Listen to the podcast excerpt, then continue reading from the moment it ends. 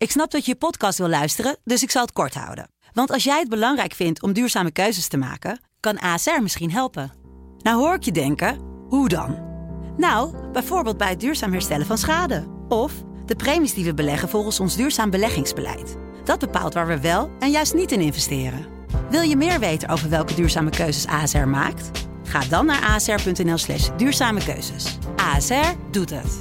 Zo, dan kan je nu lekker naar je podcast luisteren. Pensioen driedaagse! Een nieuwe baan, trouwen, een kind krijgen.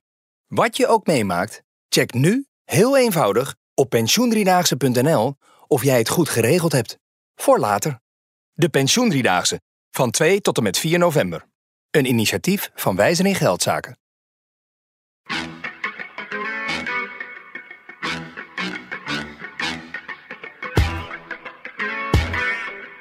Dit is, dit is het land van Wierde.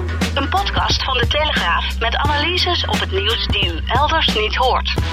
Met Wierde en Robert Ophorst.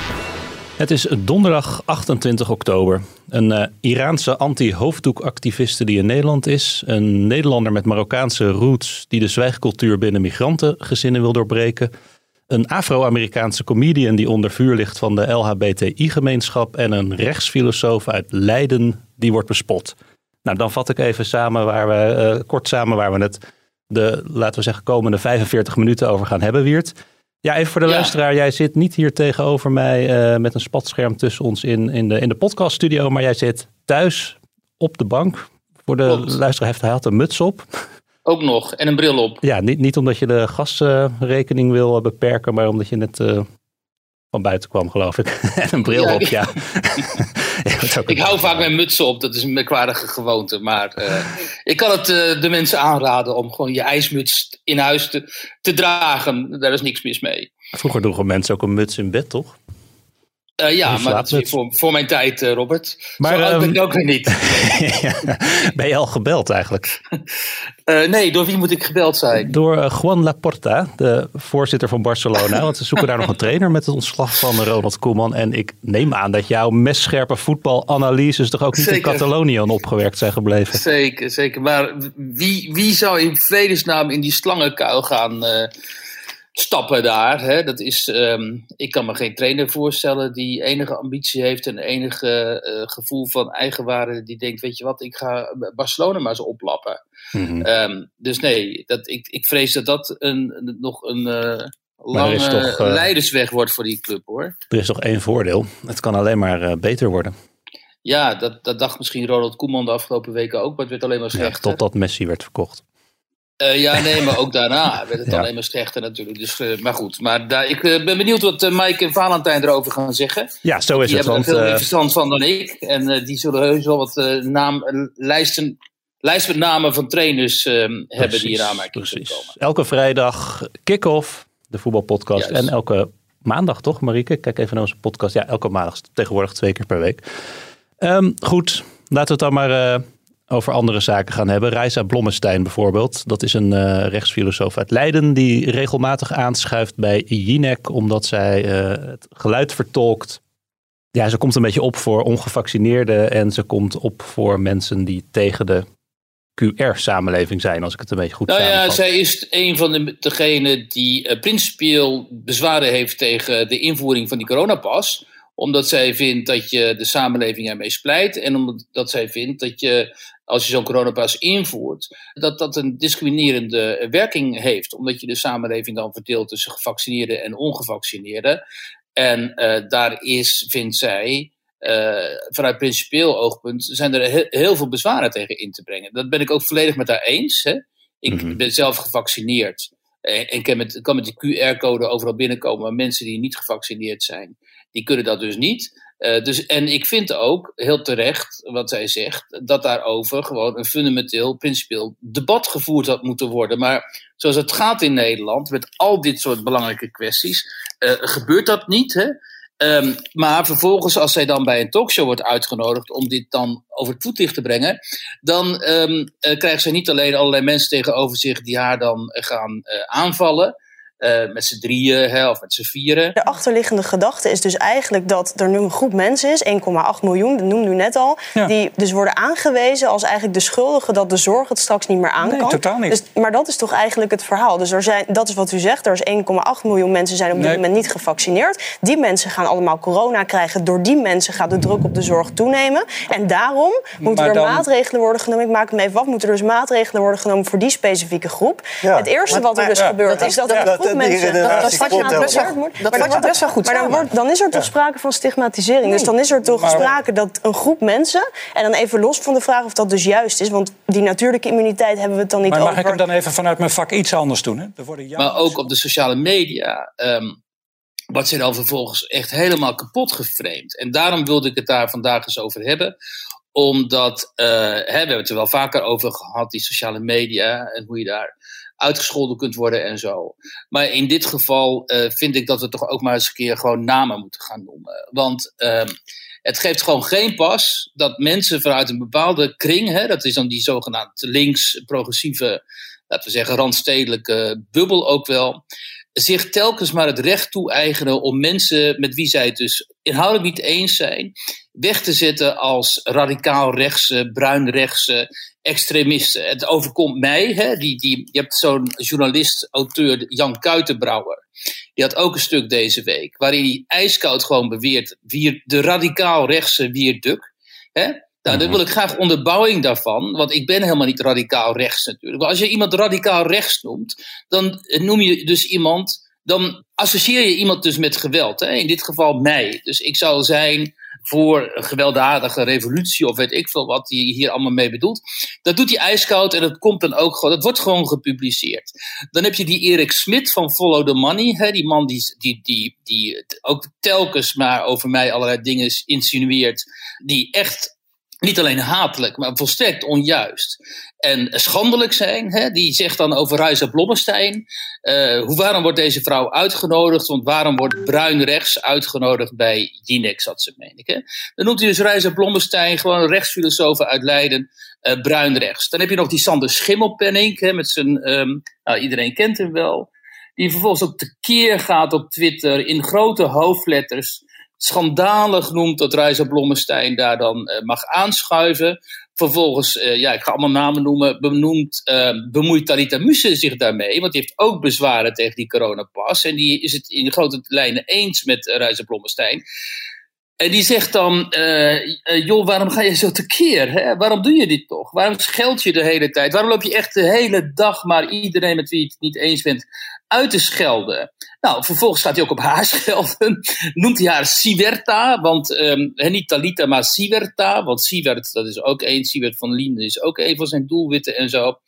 Kijk, normaal gesproken um, laat ik dit soort dingen tegenwoordig uh, langs mij heen gaan. Maar ik vind dat het nu tijd is om dit eens aan te spreken, omdat er zit zoveel kwaadaardigheid in. En het vervuilt zozeer het debat. Deze mensen uh, werpen gewoon een, een blokkade op, echt een letterlijke blokkade uh, tegen normale uh, gesprekken. Iemand als Talita Musse wil gewoon een normaal gesprek. Ik wil ook een normaal debat, ook over heikele kwesties. kwesties. Andere mensen willen dat ook. Deze mensen roepen bewust blokkades op om dat te smoren. En ze worden daar, dat zou op zichzelf niet zo erg zijn, maar ze worden daarin gesteund ook door instituten als bijvoorbeeld de publieke omroep die deze mensen de ruimte geeft. Um, als ook uh, uh, ondernemingen, bedrijven en zo, die deze mensen een platform uh, geven met lezingen en dergelijke. En dan denk ik, dat moet, er moet gewoon veel meer tegenwicht tegenkomen. Het, het moet niet zo zijn. Het kan niet zo zijn dat deze mensen maar voor alles kunnen beweren over hun zeg maar ideologische tegenstanders. En dat er vanaf die andere kant uh, onvoldoende uh, weerwoord wordt geboden. Omdat dit framen uiteindelijk, hè, wat zij doen, dat gaat toch in de hoofden van mensen zitten. Uiteindelijk gaat het over zo'n Ruize Blommestein, gaat toch gedacht worden, oh ja, dat is zo'n blonde extreemrechtse dame. Over, of over Talita Muse, van ja, wie is dat meisje nou eigenlijk? Omdat die Sander Schimmelpenning haar de hele tijd aanspreekt als ja, wie ben je nou eigenlijk? Wat doe je nou eigenlijk? Ik heb een serie bij de VPRO, wat doe jij? Hè? Dat zegt hij letterlijk op Twitter. Oké, nou, um, ik vind het dus schandelijk. Ik wil het hier nog eens een keer gezegd hebben voor het laatst. Uh, ik vind ook dat, de, dat er veel meer vanuit zeg maar, de, de, de, de gevestigde orde weerwoord op zou, zou moeten worden gepleegd. Ik zag Gert-Jan Segers laatst toch ook wel vanuit de politiek iets over, hierover zeggen, want die had het zo langzamerhand ook wel schoon genoeg van. Ik zag Kees van der Staaij notabene van de SGP woedend te reageren ook op allerlei aantijgingen. Ja, die, die reageerde vooral... Ongevaccineerden. Ja, die reageerde vooral woedend op die tegenstelling die er uh, ontstaat tussen gevaccineerden en ongevaccineerden?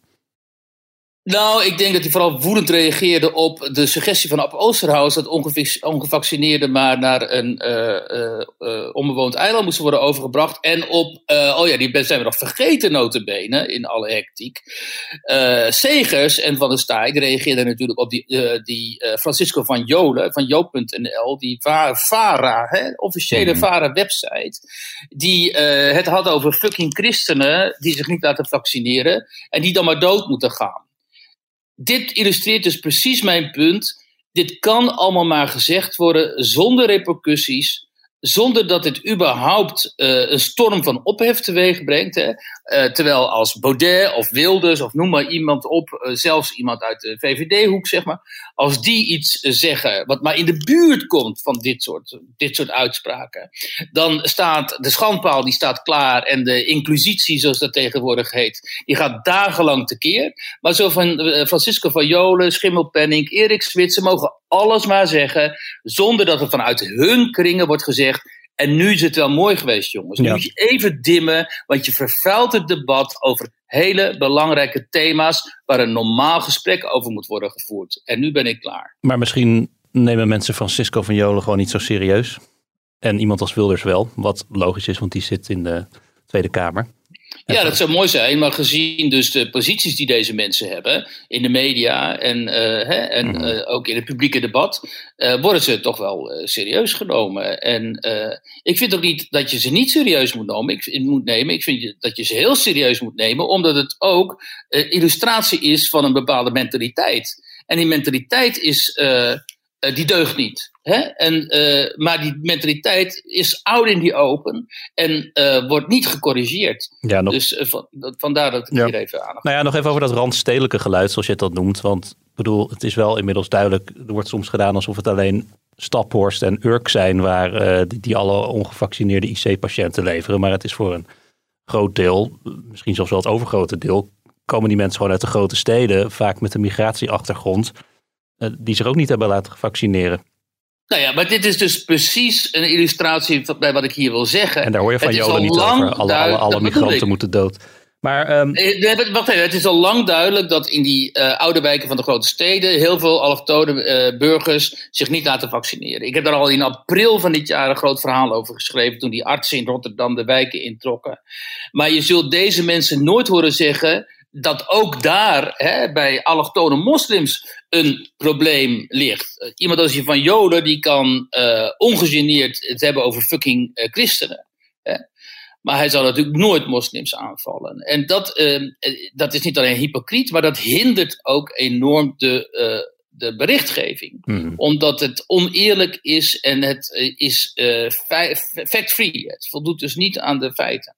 Komt niet overeen met de feiten. Het is natuurlijk ook niet zo heel handig dat zo'n dat Reisa Blommestein dan tegenover Ernst Kuipers zit in zo'n talkshow en dan met hem een discussie gaat over de IC-cijfers en wie er wel en niet op liggen en hoeveel plekken er zijn en waar dat er komt. Dan, dan bestrijd je zo'n man ook op zijn eigen terrein en dat is misschien ook niet waar je als rechtsfilosoof uh, je vingers aan moet branden. Hij heeft er toch gewoon meer verstand van. Nou ja, hij heeft verstand van IC's, maar hij heeft kennelijk geen verstand van uh, staatsrecht en van. Want dit gaat om principieel. Maar het is nu aan de punt. politiek om daar keuzes in te maken. Die, ja, die blijven toch voor een groot deel ook onzichtbaar. Nou ja, die politiek die heeft geen keuze gemaakt. Uh, in, in, Nederland is het enige land zo ongeveer in de, best, in de beschaafde wereld. waar de IC's, IC-bedden uh, is afgeschaald in de afgelopen jaren. En daarom hebben we nu ook met dit probleem te maken. En het is terecht als je zegt, luister eens, hoezeer is dit een pandemie van de ongevaccineerden? Hè? Wat uh, Kamerlid Jan Paternotte van D66 beweert. In hoeverre is dit een pandemie van de ongevaccineerden? Het kan ook een pandemie zijn um, die is uitgelokt door een bepaalde gezondheidspolitiek. zoals de Duitsers zeggen. Dus uh, volksgezondheidspolitiek. En daar kun je gewoon een redelijk debat over voeren. En dan kan Ernst Kuipers zeggen van ja, we hebben die IC-bedden niet nodig. En dan kan iemand anders zeggen ja, we hebben die juist wel nodig. En als we die hadden gehad, dan waren we nu niet in deze situatie geweest. Um, maar um, je moet niet um, telkens, je moet niet telkens verzeild raken in allerlei beschuldigingen omdat je iemand een bepaalde politieke kleur toewijst. En, en dat gebeurt. En die politieke kleur is bruin rechts. En wat, wat in godsnaam is bruin rechts? Dan heb je het over neonazies. Bruin rechts zijn neonazies in Duitsland. Die marcheren inderdaad in Oost-Duitsland. In Oost-Europa heb je die types veel. Uh, hè? Dat zij, of in de, je hebt ze in, in de Verenigde Staten gezien. Dat is bruin rechts. Maar bruin rechts in de Nederlandse context dat is niet iemand als, uh, dat is niet de rechtsfilosoof uit Leiden, dat is ook niet Talita Mussen, ben ook, is ook niet ik.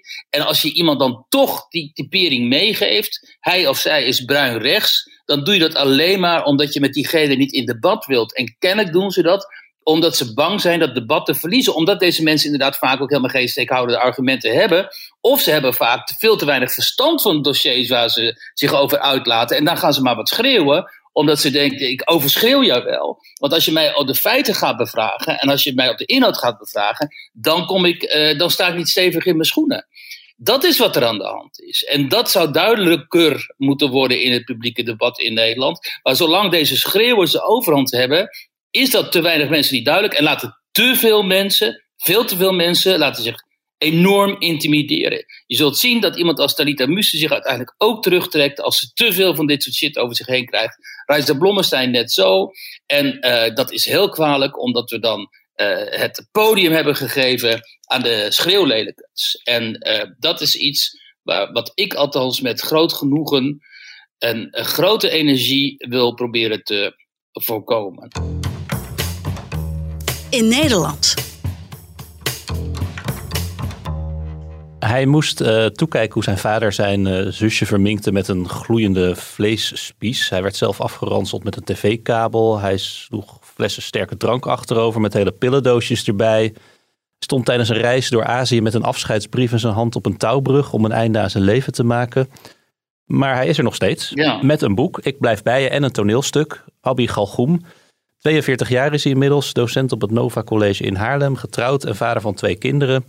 Jij zocht hem deze week op voor je in Nederland om te praten over zijn boek, zijn leven en uh, de boodschap die hij de wereld wil meegeven. Ja, na alles wat hij heeft meegemaakt en zichzelf heeft aangedaan, is het eigenlijk een wonder dat uh, Galgoem nog leeft, toch? Ja, dat kun je wel zeggen, ja. Uh, ja, lastig naam. Officieel is Galgoem, maar jij schrijft het Galgoem inderdaad. Dus het, het maar goed, officieel is Abi Galgoem. Um, ja, dat is inderdaad opmerkelijk, omdat hij, en, dat, en in die zin is het boek inderdaad een aanrader ook, omdat daarin, daaruit duidelijk wordt hoezeer uh, deze kinderen uh, in een gewelddadige situatie, gewelddadige context zijn opgegroeid. Um, thuis was er altijd de angst dat die gewelddadige vader zou gaan uithalen. Dus dat hij uh, zijn kinderen zou gaan slaan. En dan niet alleen slaan, inderdaad. Uh, gewoon echt ook. Uh, deze jongen is met een um, tv-kabel gegezeld. Hè? Op een gegeven moment krijgt hij zelfs die, die kabel in zijn gezicht. Dat beschrijft hij ook. Hoe, uh, hoeveel pijn die dan leidt. En die zus van hem, Latifa, die dan inderdaad bij, haar, bij haar voet wordt gegrepen. En met een gloeiende vleespies wordt daar, die wordt er gewoon om de wreef gedrukt. Dus dit is gewoon folteren. Eh, en uh, Abi die beschrijft ook van ja, dat, niet alleen bij mij, maar ook, vertelde hij mij in het interview, maar ook bij mijn Turkse en Marokkaanse vrienden was dit gewoon, kwam dit gewoon voor. Hè? Die, hadden, die werden ook geslagen. Dus een heel aantal kinderen in Nederland en dan met name ook in die allochtone gezinnen, die in zo'n totaal onveilige omgeving opgroeien. En in een omgeving ook waar de thuissituatie volstrekt losstaat van die op straat en van die op school. Um, en dat je daarin dan de weg kwijtraakt, zoals met hem gebeurde. En hij raakte zwaar aan de drank en deed inderdaad die zelfmoordpogingen en zo. Ja, dat, dat is helemaal niet zo gek. Ik kan me voorstellen dat je of de weg kwijtraakt en, en, en heel zelfdestructief wordt, of misschien in de criminaliteit uh, gaat. Hè, of, of, of wat ook veel gebeurt natuurlijk. Of um, schizofreen wordt. Ik denk dat um, uh, dan denkt hij ook dat die, de, de, de, de hogere gevoeligheid voor zeg maar, schizofrene situaties onder vooral Marokkaanse jongens en zo, dat het daar ook deels mee te maken heeft. Dat ze gewoon af en toe dissociëren omdat ze helemaal niet met die gewelddadige uh, werkelijkheid uh, kunnen omgaan. Maar goed, het is een beetje de psychologie van de koude grond, maar dit, wordt wel vaker beweerd ook. En um, het bijzondere aan hem is nou dat hij dus zo geïntegreerd was. Hij, groeide op in, in Venlo, hij sprak mm met Venlo's accent. Hij werd daar notabene, omdat hij die acteursaspiraties heeft, werd hij daar op een gegeven moment prins eerste. Hè? Dus hij was de eerste Marokkaan, zeg maar, die prins Carnaval werd, notabene in de stad van eh, Geert Wilders, Venlo. Um, en dan nog zegt hij, uh, zeiden de autochtonen tegen hem: hé, uh, hey, wat spreek jij goed Nederlands eigenlijk? Ja. Terwijl ik dacht: ja, ik ben hier vanaf een derde opgegroeid. Ik spreek Venlo's, weet je wel. En dan ga jij nog tegen mij zeggen: wat spreek je goed Nederlands? Dat dus hij voelde zich. Heel vaak hoort inderdaad hebben Nederlanders met een migratieachtergrond. Ja, dat blijf je maar horen. Hè. De, de, de vraag is natuurlijk: wanneer, wanneer stopt het nou eens een keer? Misschien bij de volgende generatie dan. Uh, maar in, in, in zijn geval uh, nog niet. En, dan, ja, en, en vanuit die islamhoek, de islamitische hoek, uh, kreeg jij het verwijt. Ja, weet je, je treedt op als prins carnaval. Hij speelde op een gegeven moment zelfs Jezus. Hè, dus passiespelen van Tegelen. Ja, nou, dat moet je vooral doen als moslim natuurlijk. Um, dus vanuit die Marokkaanse islamitische hoek kreeg je het verwijt. Je bent afvallig, hè. En dan werd hij op, op, op straat echt aangesproken van die kerels met baarden en zo. Die zeggen dan, joh, eh, kom naar de moskee. En uh, kom keer terug naar de islam. Hè. Bemoei je niet met die kafirs. Dat zijn wij dan, de ongelovigen, de Nederlanders. Uh, ga weg bij die kafirs, want je maakt je familie te schande. We praten met je vader en die is heel verdrietig en je maakt je familie te schande. Hè?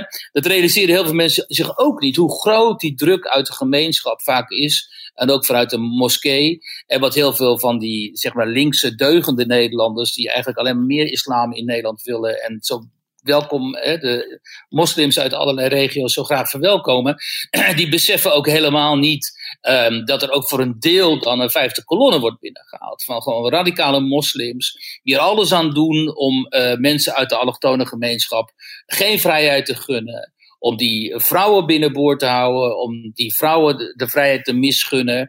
Om als meisjes of vrouwen, jonge vrouwen, zich vrijer gaan gedragen. Onmiddellijk naar de, naar de broers en de neven en de vaders toestappen en zeggen: joh, je dochter of je zus of je nicht, hè, die is zondig, die vertoont onzedig gedrag.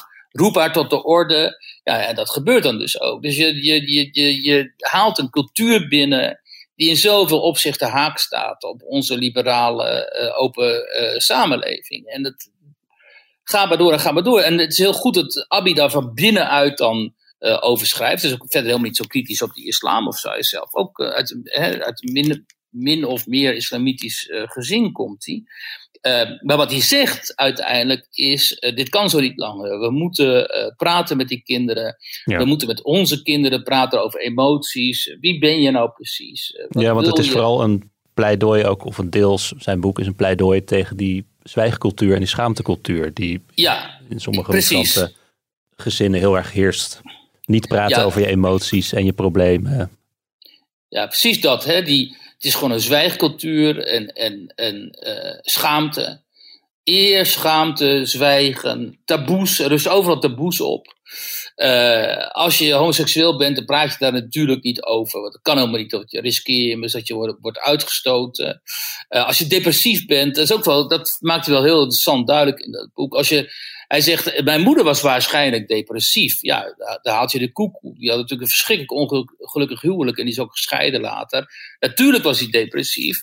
Maar hij zegt, als ik dan met haar naar de huisarts moest, want het, dat gaat altijd zo, hè, in die allochtone gezinnen van de eerste generatie moeten de kinderen mee naar de huisarts en naar de gemeente en zo om te vertalen, want die mhm. ouders die kunnen dan de taal niet. En hij zegt, als we dan bij de arts waren en ik moest haar uh, klachten beschrijven. Ja, ik had de woorden helemaal niet om te, om te vertellen wat er nou met haar aan de hand was. Want ik, in het Arabisch weet ik niet het woord voor depressief. Het Nederlandse woord voor depressief herkende ik ook niet. Dus uiteindelijk kwam zijn moeder altijd terug met medicijnen voor lichamelijke klachten. Terwijl de klachten waren in haar hoofd. Dus ze is nooit goed gediagnosticeerd, ook door die door die huisartsen en door die specialisten. En hij zegt, ja, in, in onze gemeenschap is het zo, als je dit soort problemen hebt, ja, dan schrijf je die toe aan de djinns, dus aan de demonen, of aan het boze oog. En je zoekt dan verlichting in de islam. Maar het is niet iets dat je, dat, je komt niet in je op om te denken dat het misschien wel iets chemisch is in je brein, mhm. waar pillen voor zouden kunnen zijn. Ja, dat is, dan, eh, nou, is ook wel behoorlijk achterlijk natuurlijk. Maar ja, dat is zo. En uh, heel veel van die kinderen hebben daarmee te maken. En um, die leven dus echt in, ook, zeg maar, in, in, niet alleen in twee werelden. Hè, maar ze, uh, ze leven eigenlijk in twee verschillende tijdperken of zo. Hè. Ze leven hier in het Westen in de moderne tijd. En in hun gezin thuis leven ze in een soort premoderne tijd. Uh, hè, met al die gebruiken en tradities en angsten en, en, en, en demonen. En, en weet je wel? Mhm. Hoe kun je dat nou met elkaar verbinden dan? Dat is ook wel een hele moeilijke situatie. En ik denk dat dit boek uh, heel veel inzichten kan uh, geven aan mensen. En het leuke is ook dat een aantal van zijn leerlingen op het Nova College, hij is uh, leraar, op het Nova College in Haarlem, die hadden het al gelezen en die waren zo enthousiast en die, die, die wilden dit gewoon heel graag in de publiciteit brengen. En toen hebben ze uit Parool, die krant in Amsterdam, hebben ze een brief geschreven en gezegd, joh, kunnen jullie dat boek van Abby niet recenseren, want het is gewoon een hartstikke goed boek, heel inspirerend en wij herkennen er heel veel in.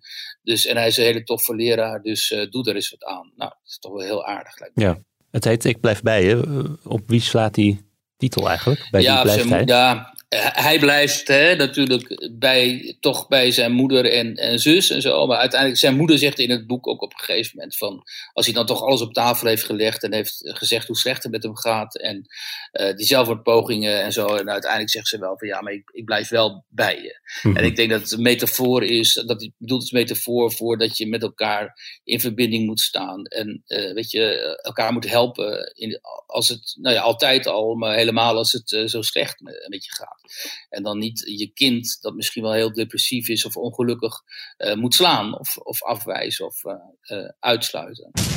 Wie, wie, wie, wie het Woken Week. I am not saying that to say that trans women aren't women.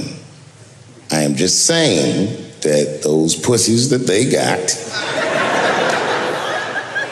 You know what I mean? Not saying it's not pussy, but that's like beyond pussy or impossible pussy. You know I mean? It tastes like pussy, but that's not quite what it is, is it? It's not blood, that's beet juice. Ja, we hoorden hier een uh, stukje van Dave Chappelle. Dat is de Amerikaanse komiek om wie nu heel veel te doen is vanwege zijn nieuwe uh, Netflix special, The Closer. Ja. Ik geloof al wekenlang een van de meest gestreamde programma's op Netflix. En nou, misschien na Squid Game ook een van de meest besproken. Waar ja. gaat de ophef nou eigenlijk over? Nou ja, dat, eh, Dave Chappelle is dus een donkere Amerikaanse stand-up comedian. En die maakt in die show uh, grappen over uh, transgenders. Uh, en nu hebben wij het al heel vaak gehad in deze podcast in de Woken Week over transgenders. En hoe overgevoelig die reageren op elk punt van kritiek. Um, en dat is hem dus ook overkomen. Hè? In die show zegt hij van, joh, gender is gewoon een feit. Um, of eigenlijk bedoelt hij, geslacht is een feit. Hè? Ieder mens, zegt hij in deze zaal, ieder mens op aarde is door de benen van een vrouw gepasseerd om op aarde te komen. En dat is een feit. Uh, en hij zegt ook dat LGBT-personen uh, te gevoelig zijn. Nou, wat aantoonbaar zo is, want het, je kunt niks meer zeggen tegenwoordig over mensen in die, um, in die letterbak. Um, van LGBT tot, tot QI. Um, of je krijgt wel uh, enorm uh, gedoe met, met, met, met iemand uit, uit, uit die milieus. En nou de hem is dat dus ook overkomen. Personeelsleden van Netflix waren boos. Um, en gingen protesteren, demonstreren. En uh, dus die wilde eigenlijk dat die show van hem gecanceld werd, of dat hij gecanceld wordt. Hè, want tegenwoordig moet ook iedereen worden uh, gecanceld en zo. Maar dat hebben ze bij Netflix niet gedaan. Want dat vonden ze toch niet, niet, niet nodig. Um, maar goed, het, laat weer zien hoe extreem uh, gevoelig elke uitspraak over transgenders en andere minderheden tegenwoordig is. En um, uh, het heeft bij hem ook wel geleid. Ik zat even te kijken ondertussen. Um, het heeft het toch voor hem ook wel consequenties gehad. En dat is natuurlijk het, het, het enge hieraan. Hij, hij schrijft dat uh, zijn nieuwe documentairefilm Untitled is geweigerd op een aantal filmfestivals. Uh, he, die was ja, dat elk een documentaire over George Floyd, toch? Ja, hè, volgens mij wel, ja. Uh, hij zei toen de controverse over de closer begon, trokken al die filmfestivals hun uitnodigingen in. En nu wil geen enkele filmmaatschappij, geen filmstudio, geen filmfestival, niemand wil die film nog aanraken. Ja, weet je, eh, en zo gaat dat, hè. En dan, die Dave Chappelle is misschien nu nog dapper en die moet er wat om lachen en zo. Maar als jij op deze manier gecanceld wordt en je komt niet meer, gewoon niet meer aan het werk, en uh, je financiën gaan hmm. eronder rijden, dan bedenkt hij zich op een gegeven moment nog wel twee keer. Um, voordat hij nog eens een keer uitspraken doet over deze groep. Hè? Kijk, je hebt nu natuurlijk al in de hele wereld uh, comedians en cartoonisten en satiristen, satirici, die niks meer over de islam durven te zeggen of over de profeet, want dan weten ze van ja, dan gaat mijn hoofd eraf. Um, en nu krijg je dit. Nu wordt dat transgenderisme, dat wordt net zo'n onaanraakbaar thema. Omdat deze mensen in de cultuursector natuurlijk denken van... luister eens, ik wil wel uh, kunnen bestaan. En ik wil wel mijn shows kunnen doen. Ja. En dan, uh, dan uh, raak ik dit thema maar niet meer aan. Dus je krijgt een, zometeen hele saaie um, uh, programma's, voorstellingen, waarin alleen nog maar open deuren worden ingetrapt, omdat heel veel andere thema's uh, taboe zijn geworden. Ja, je hoofd gaat er niet af, maar je verliest wel je inkomsten, mogelijk. Ja, ja um, zeker. Ja. Nou, hoeveel met Dave Chappelle wat inkomsten betreft geloof ik geen medelijden te hebben, want die man is multimiljonair en heeft volgens mij voor deze show ook tientallen miljoenen gekregen. Ja. Maar wat mij ook wel een beetje opvalt, het gaat in deze discussies ook vaak over macht. Tegenstanders van Chappelle, die, die zeggen dan van ja, dit is gewoon een hele machtige comedian met heel veel bereik en heel veel geld en uh, weinig te verliezen wat, dat betreft. Nou, het kan natuurlijk ook omdraaien. Iemand die heel veel heeft, heeft misschien ook heel veel te verliezen, maar wel een gevestigde naam. En die schopt dan naar beneden in zijn show naar mensen die juist in de verdrukking zitten en al het moeilijk hebben, uh, gemarginaliseerd worden en nu bezig juist zijn met een emancipatiestrijd. Ja. Uh, en juist van iemand die altijd in zijn shows zoveel gevoel toont voor de gevoeligheden van raciale stereotypes en uh, stereotypes in het algemeen. Daar, daar maakt hij al zijn hele leven grappen over. Dus juist iemand die dat zo goed begrijpt, uh, stelt dan in hun ogen teleur door dit soort flauwe grappen te maken of niet leuke grappen, want ze kunnen er natuurlijk niet om lachen. Ja, en, en het, het is dan altijd een discussie van macht. Wie heeft de macht en wie is de, wie is de onderdrukte? Ja, nou ja, natuurlijk. Maar kijk, deze mensen komen inmiddels uit een ideologie die ervan uitgaat dat, uh, uh, dat, dat zij sowieso uh, in een hiërarchie van slachtofferschap staan. Uh, en, en dat is dus het probleem dat die, die, die, die critical race theory en die social, social justice ideologie waar dit vandaan komt, die um, hanteren een heel rigide dader-slachtoffer. Ja, maar dat draait ook allemaal om machtsstructuren, toch? Nou ja, en, en daarop baseren deze mensen zich. Die zeggen de macht is in handen van, hè, vooral dan die blanke mannen van middelbare leeftijd en zo. En de, in de, de minderheden, minderheden, vrouwen, moslims, wij, transgenders, homoseksuelen en dergelijke. Wij zijn slachtoffer. En dan ook nog eens kun je intersectioneel slachtoffer zijn. Namelijk als je en invalide bent, en zwart, en vrouw, en lesbisch uh, en transgender, ja, dan ben je het ultieme slachtoffer. Um, maar zo kun je natuurlijk niet denken. Alleen zo denken zij. Ze plaatsen dit schema op de samenleving. En dan is die uh, is ook een dader, omdat hij man is. Succesvol binnen kapitalistische samenleving. En noem maar op. Hè. Dat is ook het interessante aan dit, dit, hele debat. De vraag is: wie, gaat er, wie wordt um, op dit moment is de, zeg maar, de, de, de blanke man van middelbare leeftijd is in de ogen van deze mensen de dader en die moet wegwezen. Hè? Die moet ruimte maken voor mensen, vertegenwoordigers uit minderheden. En wie wordt het volgende slachtoffer? Dat worden natuurlijk die zwarte mannen. Daar kun je donder op zeggen, want er zijn ook heel veel succesvolle zwarte mannen met goede posities, zoals hij, zoals die Dave. En je ziet nu, die gaan ook gecanceld worden. Zodra die iets durven te zeggen zoals wat hij doet, is hij opeens niet meer vertegenwoordiger van een minderheid, namelijk van de zwarten, maar is hij vertegenwoordiger van een dadergroep. Ja, en van de macht. Moet hij wegwezen, wordt, wordt hij ook gekend. Mhm. Dus dit hele schema uiteindelijk leidt alleen maar tot dat iedereen op een gegeven moment gecanceld gaat worden, omdat um, ze beginnen natuurlijk ook onderling uh, uh, een hiërarchie op te bouwen van ja, weet je, wie is nou het ultieme slachtoffer? En wie mag zich het ultieme slachtoffer noemen? En op basis daarvan eisen dat hij naar boven komt uh, in, in, de, in de hiërarchie. Dus uh, dit hele slachtoffer-dader uh, denken, dat maakt dit debat zo pervers. En dat maakt dit debat ook verder onmogelijk. Omdat um, er altijd in de ogen van deze mensen daders zullen zijn en slachtoffers. En daders die moeten worden zeg maar, vernietigd. Daar komt het uiteindelijk op neer. En wegwezen. Wel echt slachtoffer zijn. Uh, zijn de vrouwen die gedwongen worden in Iran om een uh, hoofddoek te dragen. En als je zonder hoofddoek naar buiten gaat, dan, staat, uh, ja, dan word, je, word je aangesproken door de politie of zelfs opgepakt.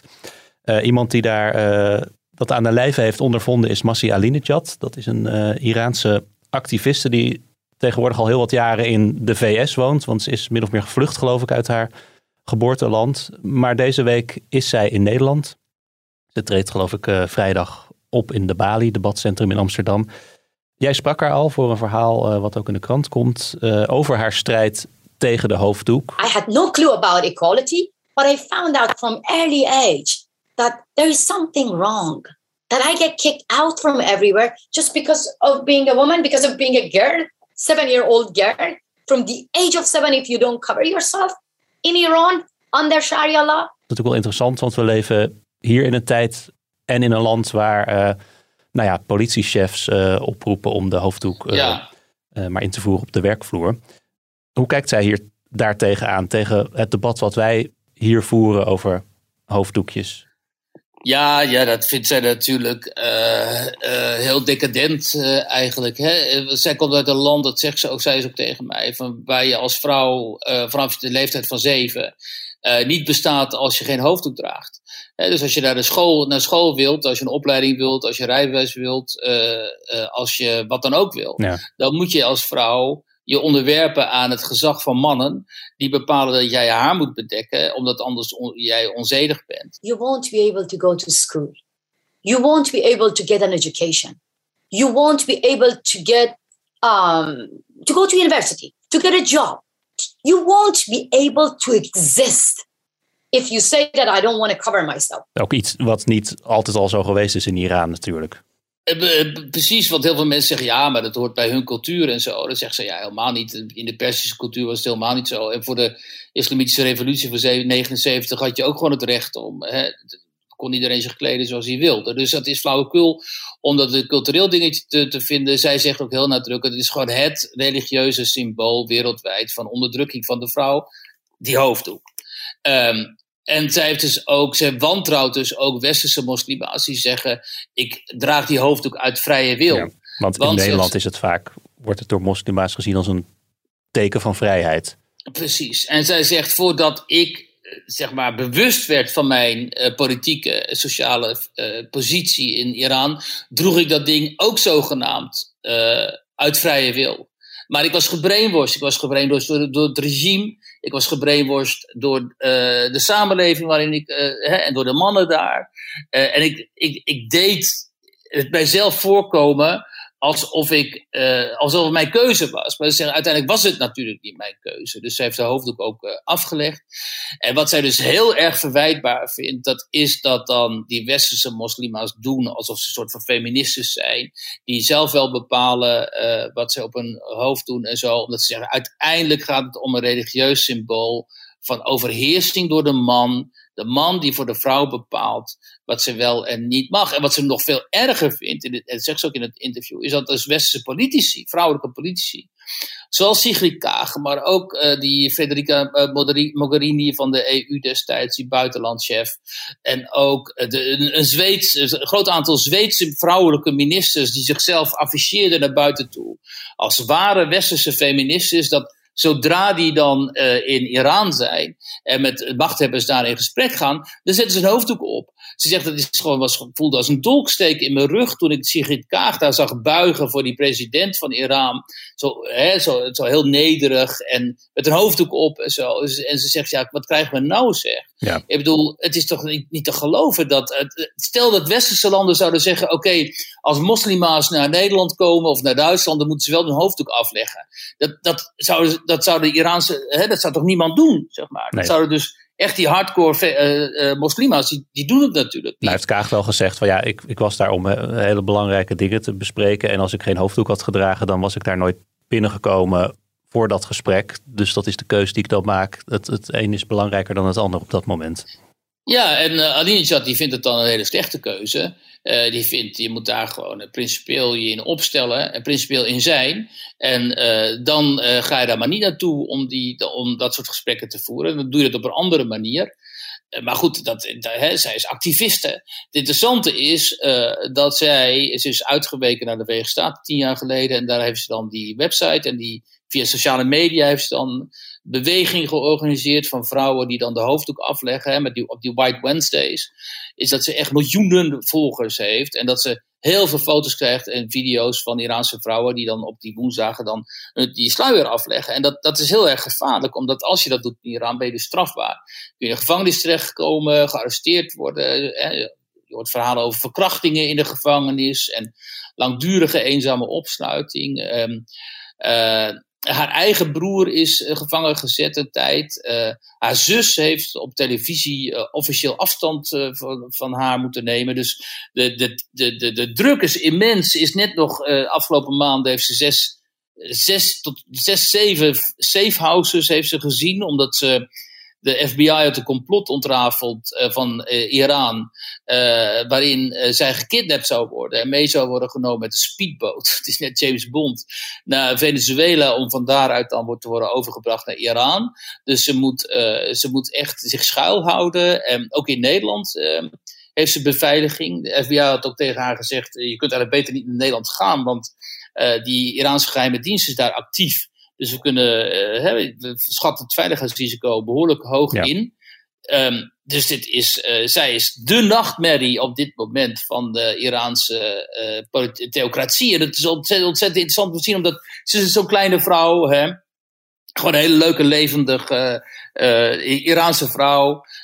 best wel een beetje frail en, en klein en zo. En zij is dan het, zou dan het grote gevaar voor die theocraten daar in uh, Teheran zijn. En dat is natuurlijk heel ironisch.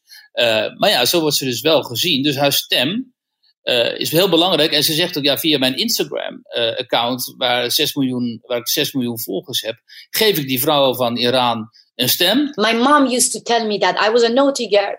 Anytime when I was like making mess around, my father was like putting me in a room, lock the door, my mom used to say that you were able to find a window to sneak into the same room. Now, I found my window to sneak into Iran every day. I am there. They kick me out, but my window is my social media.